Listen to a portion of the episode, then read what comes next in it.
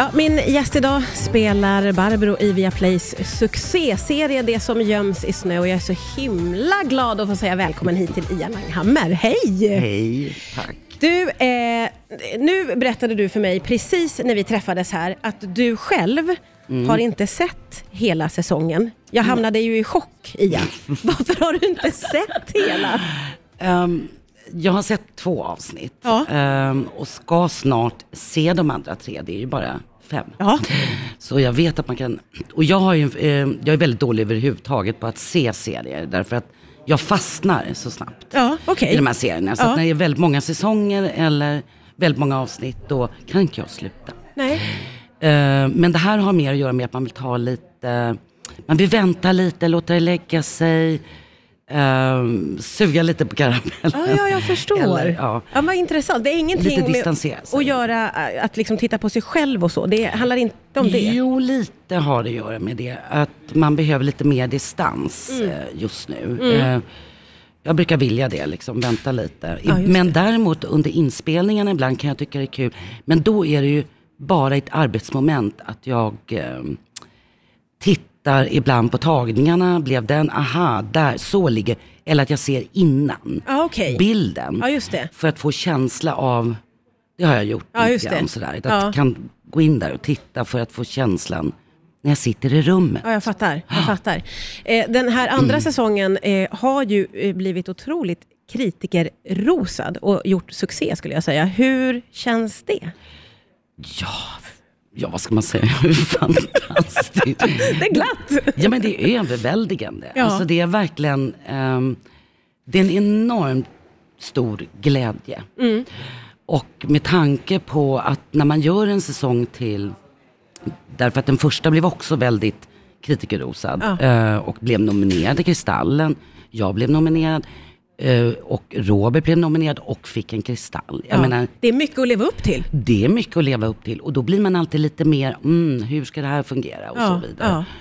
Men, och det var svårt att känna av därför att det har gått en tid eh, mellan den första och andra. Just när det. du sätter igång och då gäller det att hålla karaktären och Mm, mm. allt det här. Men eh, i och med att det är så fruktansvärt bra gäng. Ja, det är helt med magiskt. Alltså, det, ja. det är helt oerhört att, få titta på det här. Ja. Oerhört bra. Så Ja. Ni är bra allihopa. Och man fastnar. Jag fattar inte att du kunde lägga av ett två avsnitt. För att jag kunde inte sluta titta kan jag säga. Nej. Men hur skulle du beskriva den här säsongen då, Ija? Eh, hur då menar du? Liksom, vad den handlar Ja, om? lite grann eller? för någon som inte eh, har sett den då kanske. Eh, l- lite, alltså den är lite noir. Mm. finns ett drama, ett, ett djup i den Mm. tycker jag. Eh, var det någon som skrev lite så här mannen på taket känsla. I och med att den har, det finns pauser emellan replikerna Mm. på något sätt. Vilket gör den levande. Eh, tycker jag, när jag såg de här två första avsnitten. Så jag förstår lite genren. Mm. Ehm, och jag tror man sugs in i den, precis som du sa, efter ett tag. Så att man Mm. Ja. måste ge en lite tid först. Men det, Ja, ja, jag oh, tror ja, absolut att det är värt för det är en fascinerande historia. ja, Alltså, den det är en oerhört Ja. fascinerande och det är väldigt obehagligt Oh, bitvis. Jag blev oerhört gripen måste jag säga. Och också gripen av karaktären Barbro. Eh, Och det är jag ju inte ensam om, eh, för att recensenter har beskrivit Barbro som en viktig pusselbit. Mm. Vad tycker du om henne? Jag tycker ju naturligtvis jättemycket om henne. det är svårt att inte göra det. Ehm, det är svårt att eh, göra karaktären annars. Nej men hon är ganska krass men ändå hon är en väldigt empatisk, en väldigt empatisk människa men också väldigt jordnära.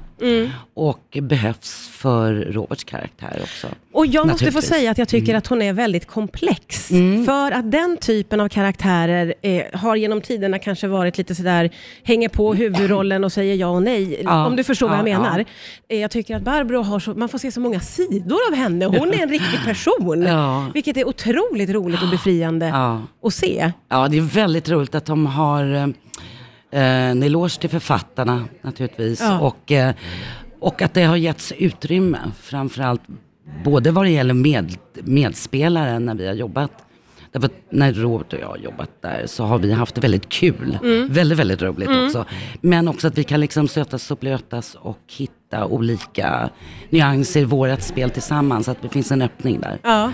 Vi, ja, vi, vi lirar väldigt bra, Ja, det, känner jag. Och det ja. ser man ju. Det ser vi ju att ni lirar väldigt bra. Och de här två karaktärerna... Man förstår varandra, Ja, men precis. Det är liksom. roligt också för karaktärerna känns så himla olika, men de kan ändå komplettera varandra på något konstigt sätt som jag inte kan sätta fingret på. Ja, ja, men det håller jag med om. Och så just det att det var vissa saker vi sa, men det där får vi inte glömma, för det hade vi med i första, i hennes karaktär. Ja. Därför att vi, man fick liksom, det var någon sorts, eh, att försöka minnas.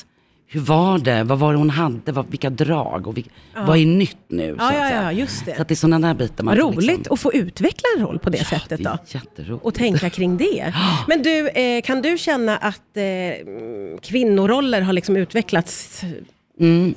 de senaste åren? För det har ju pratats mycket om det ju. Mm.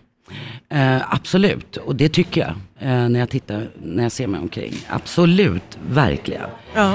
Eh, och det är ju sådär, det ta, kan ta fler kliv framåt och sen blir några kliv bakåt. Så, så Ja, är det ju ja, just det. i utvecklingen. För jag kan också se åt andra hållet att vissa roller blir som en backlash. Man tänker, men vänta nu, nu liksom, Ja. den här tiden. Ja, ja, ja. Har vi inte kommit längre. Nej.